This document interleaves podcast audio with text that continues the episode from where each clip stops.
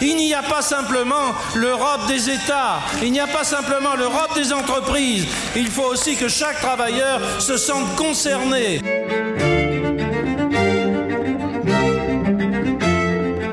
Welkom bij de podcast Waarom Europa? Europa-specialist professor Steven van Hekken van de KU Leuven en journalist Joris van der Poorten blikken terug op de afgelopen weken. Wat moeten we onthouden? Wat is blijven hangen? Wat ligt er op tafel en zal daar misschien nog een tijdje blijven liggen? Waarom Europa?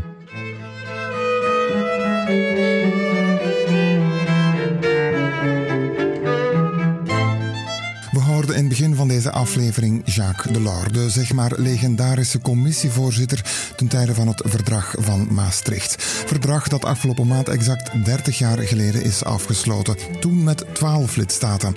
Vandaag zijn ze met 27. Hun staats- en regeringsleiders hebben onlangs opnieuw vergaderd. We maken de balans op van die top en praten ook over de plannen van de commissie op het vlak van de corona-aanpak en de zogeheten deeleconomie. Met Steven van Hekken en ook nu weer een gast, Axel Buijsen, diplomatiek vertegenwoordiger van Vlaanderen bij de Europese Unie. Dag Steven, dag. Axel. Hallo, dag Joris.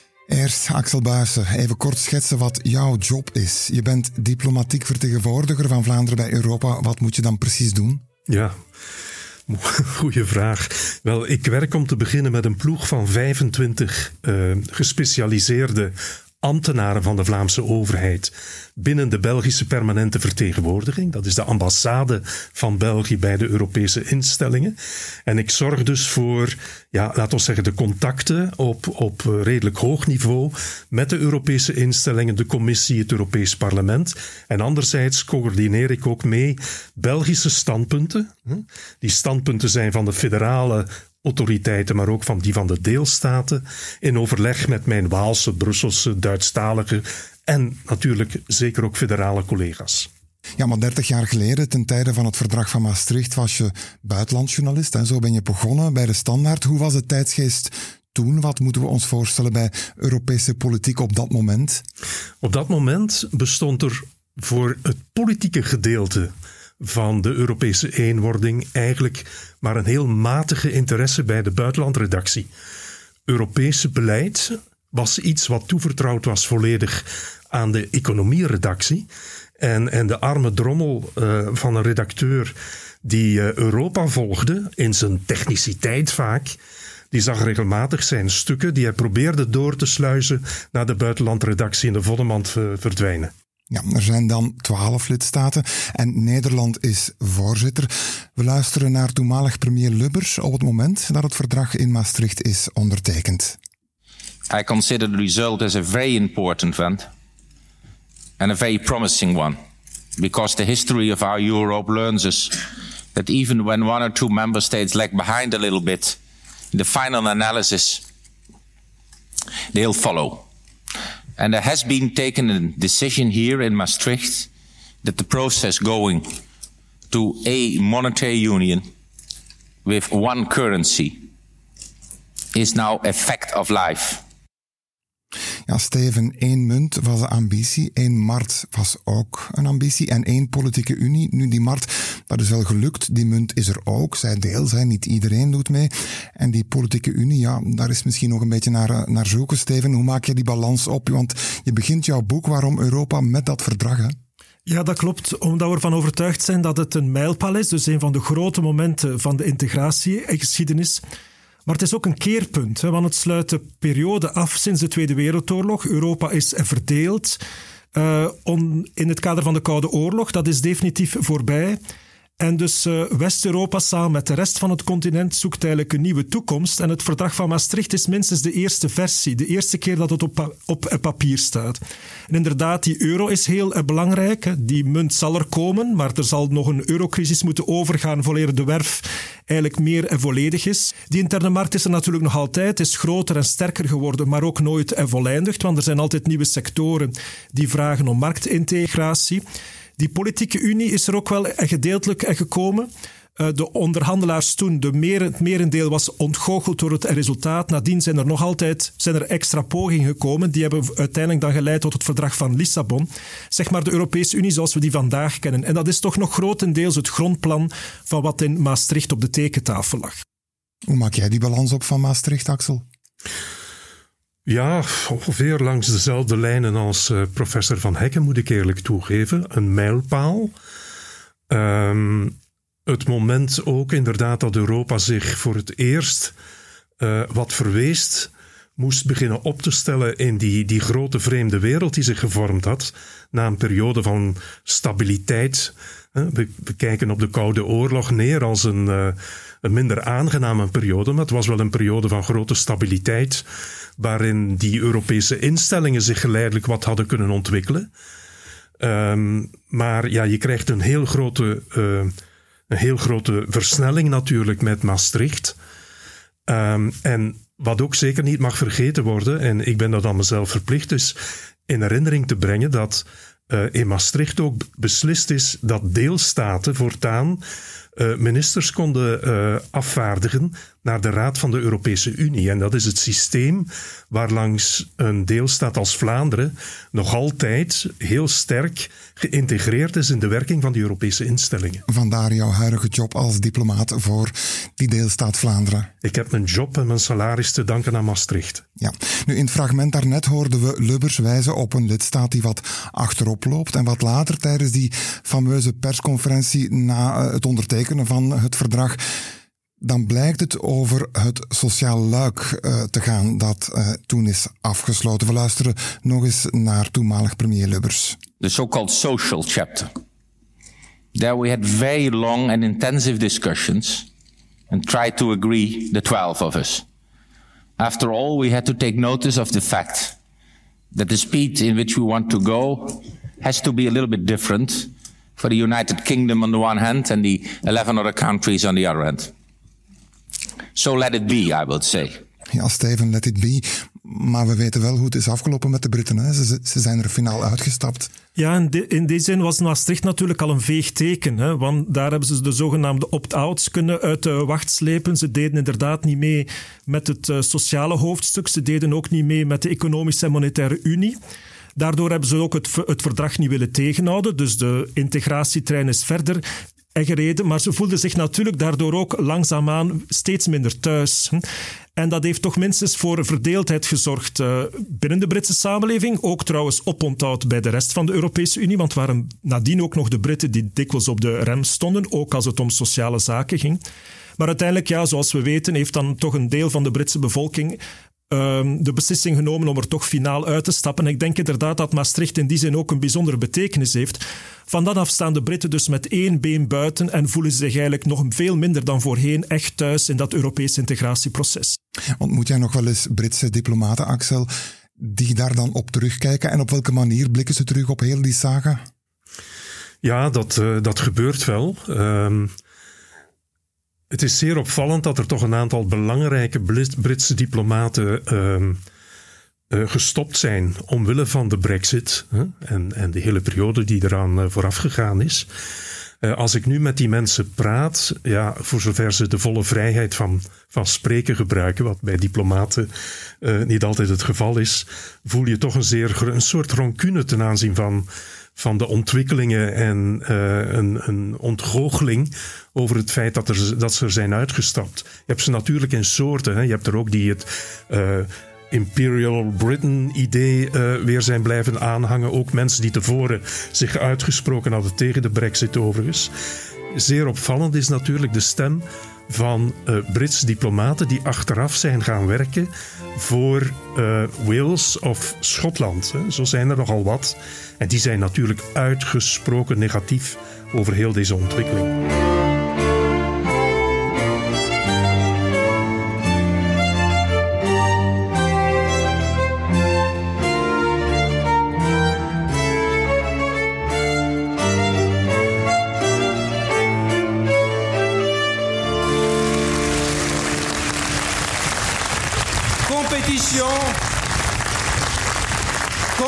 Coopération, solidarité, la cohésion économique et sociale, mais aussi, il faut le répéter, l'Europe des travailleurs. Il n'y a pas simplement l'Europe des États, il n'y a pas simplement l'Europe des entreprises. Il faut aussi que chaque travailleur se sente concerné, sans pour cela faire des folies, sans pour cela nuire à la compétitivité. Mais qu'est-ce que serait que ce traité où demain nous n'oserions pas parler de la dimension sociale et donner à chaque travailleur la garantie qu'en Europe, il, ses droits minimaux seront défendus.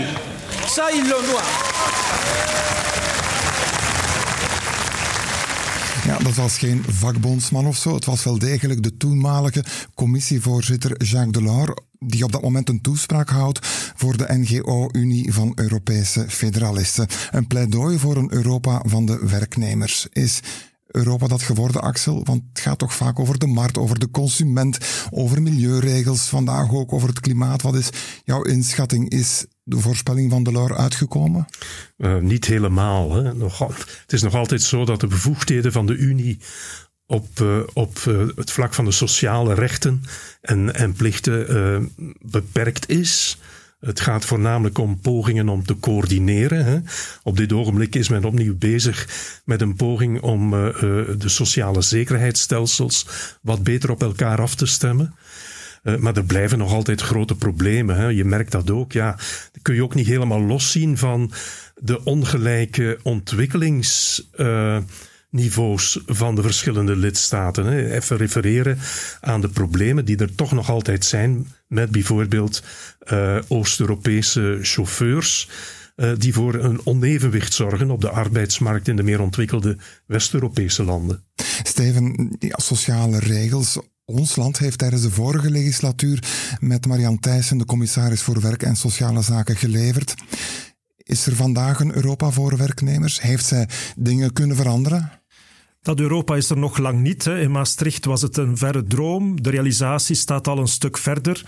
En er is dus wel heel wat gebeurd, maar we zijn er nog niet, denk ik. Inderdaad, in de voorbije periode is onder meer de zogenaamde Europese pijler van sociale rechten gekomen wat een soort principiële beslissing is geweest, maar nu wel blijkt in de praktijk uh, tot allerlei realisaties te komen. Er is al de strijd geweest tegen sociale dumping, door onder meer uh, de herziening van de detacheringsrichtlijn, dat was onder uh, het commissariaat van Marian Thijssen. Maar ook vandaag bijvoorbeeld ligt er een voorstel op tafel van een soort minimumloon, dat elke lidstaat voor haar eigen werknemers zou moeten toepassen.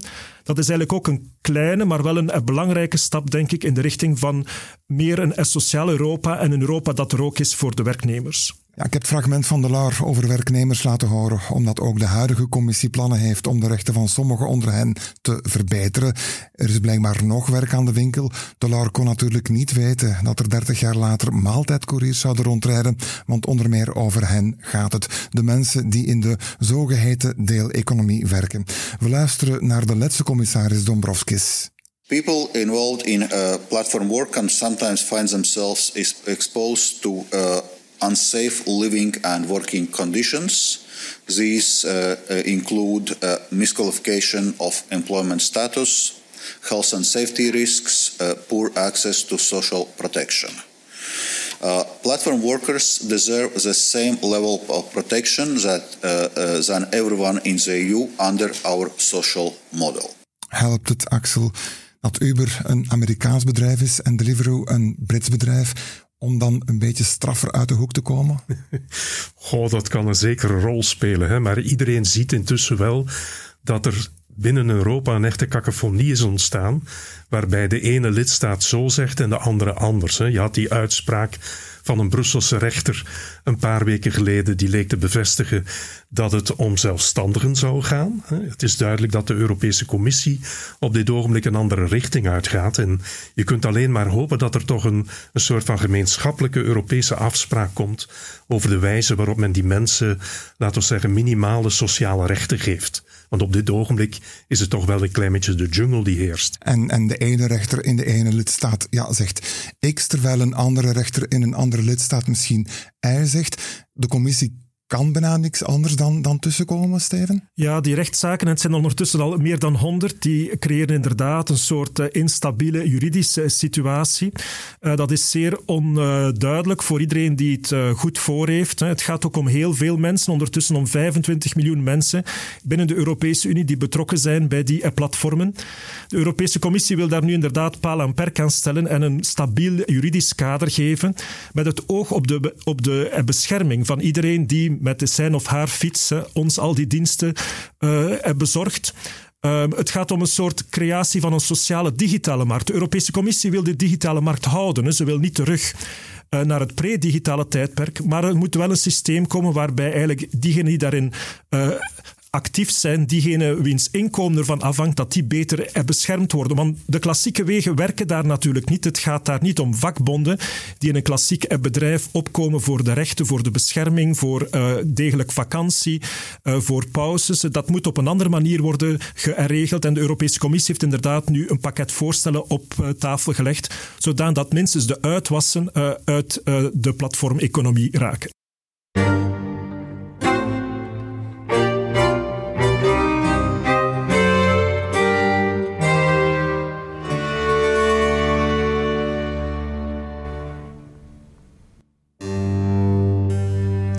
This point, 44% of the world population is vaccinated. A large part of the doses necessary for these vaccinations were exported or shared by Europe. But we will do more. We will step up our effort to support Africa, where vaccination is lower than in other parts of the world. Our aim is to ensure that 70% of the world's population is fully vaccinated by the middle of next year because we will only control this pandemic if we fight it in every corner of the world.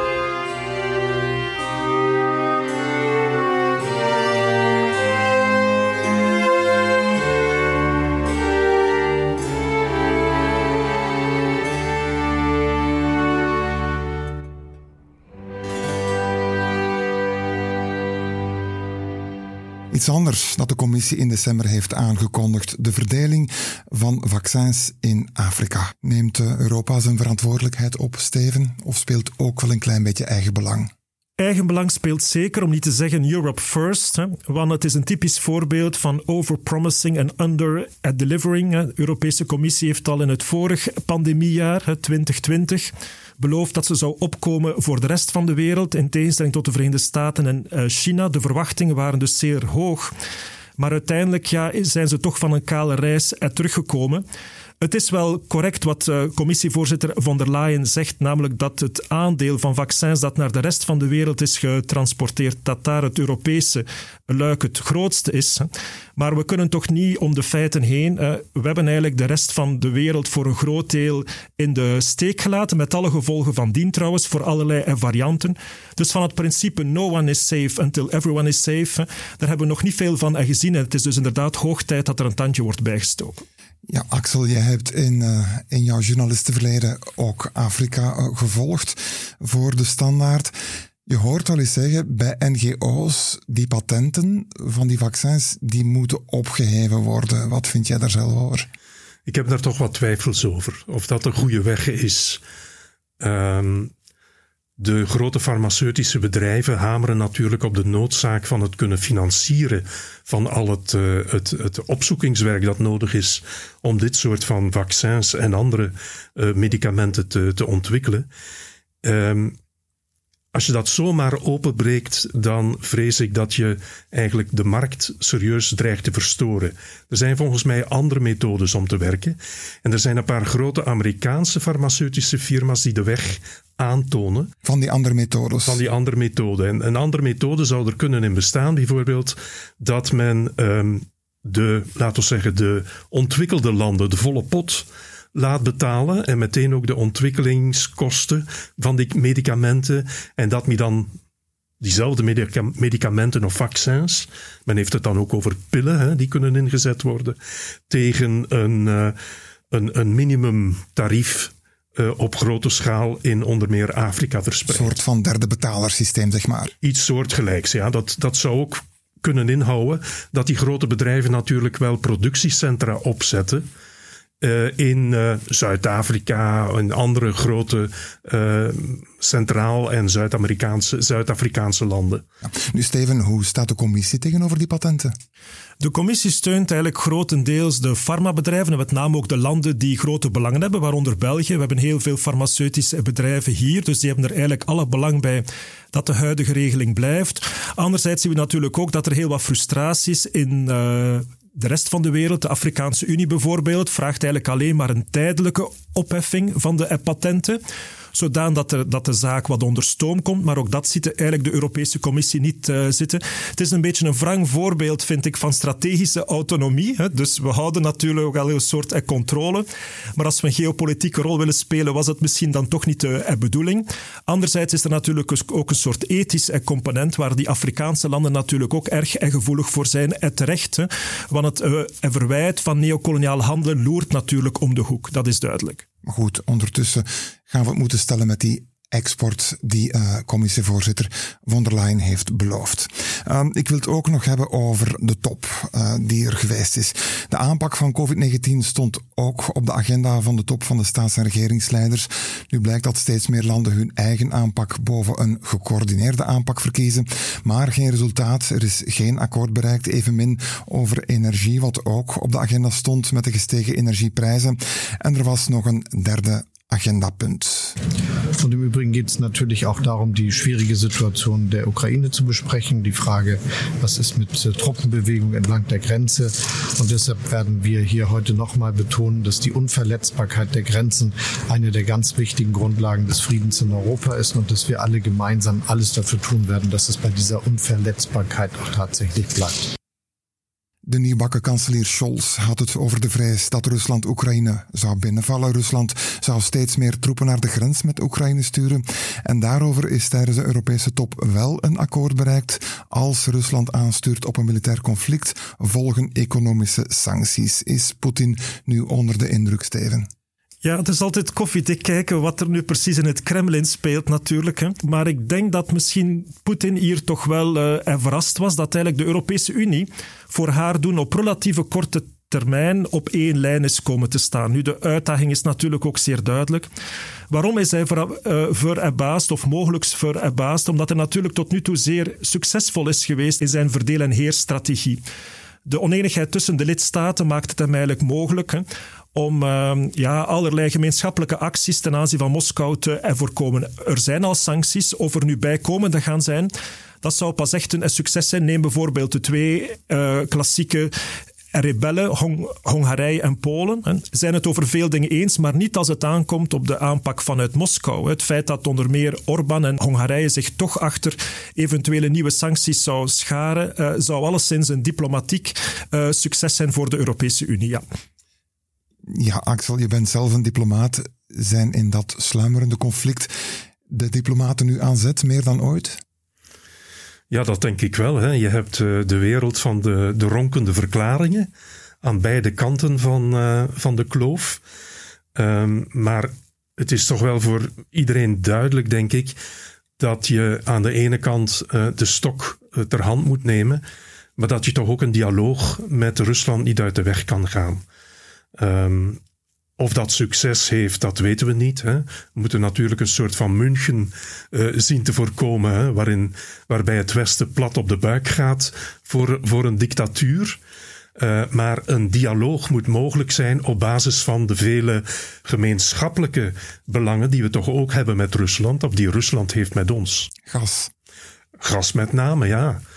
Uh, de Russen kunnen natuurlijk het gas afsluiten en dan hebben we een koude winter. Maar tegelijkertijd schieten ze zichzelf in de voet natuurlijk. In die korte periode dat ze nog ten volle van de gasprijzen zullen kunnen profiteren, overigens. Ja, ik liet uh, Scholz horen. Het was een eerste Europese top. Als kanselier van Duitsland heeft hij het goed gedaan? Hij heeft zich heel behoorlijk van zijn taken gekweten, denk ik. Uh, wat ik ervan gezien heb en, en vooral gelezen, is dat hij zich. Uh, uh, vrij populair heeft opgesteld. Uh, met de nodige bescheidenheid, maar met, uh, met een schalkse lach om de lippen. En dat hij inderdaad door heel veel van zijn collega's is, is benaderd om hen beter te leren kennen in die, tijdens die Europese top. Ja, Steven, zullen wij het dan nog voor één allerlaatste keer hebben over zijn voorganger Angela Merkel? Gaat ze gemist worden?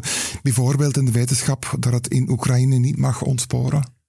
Ze zal zeker gemist worden, want haar palmares staat natuurlijk buiten kijf. Maar we moeten haar ook alle eer betuigen door ook kritisch te zijn. En ik denk inderdaad, met name wat de relaties met Moskou betreft, zijn er toch wel wat kanttekeningen te maken. Ik denk inderdaad dat we moeten inzetten op een dialoog, bijvoorbeeld over economische kwesties, ook wat de energiebevoorrading betreft. Maar in alle andere zaken is zij mee verantwoordelijk, Merkel, voor het wellicht het veel te lang blijven investeren, praten, dialogeren, om niet te zeggen pappen en nat houden, zonder dat dat de Europese Unie veel vooruit heeft gebracht. Dus dat is natuurlijk een soort deel van de erfenis van Merkel, waar haar opvolgers mee uh, opgezadeld zitten. En ik verwacht daar wel een meer uitgesproken hardere koers, in die zin dat de tegenstanders van Merkel, bijvoorbeeld in het Kremlin, Vladimir Poetin, nog wel eens heimwee zullen hebben naar Angela Merkel. Oké, bedankt voor dit gesprek, Steven van Hekken, Europa-specialist aan de KU Leuven, en Axel Buijsen, diplomatiek vertegenwoordiger van Vlaanderen bij de Europese Unie. En u, beste luisteraar, bedankt om deze podcast te beluisteren. In onze volgende aflevering blikken we terug op de maand januari. Tot dan.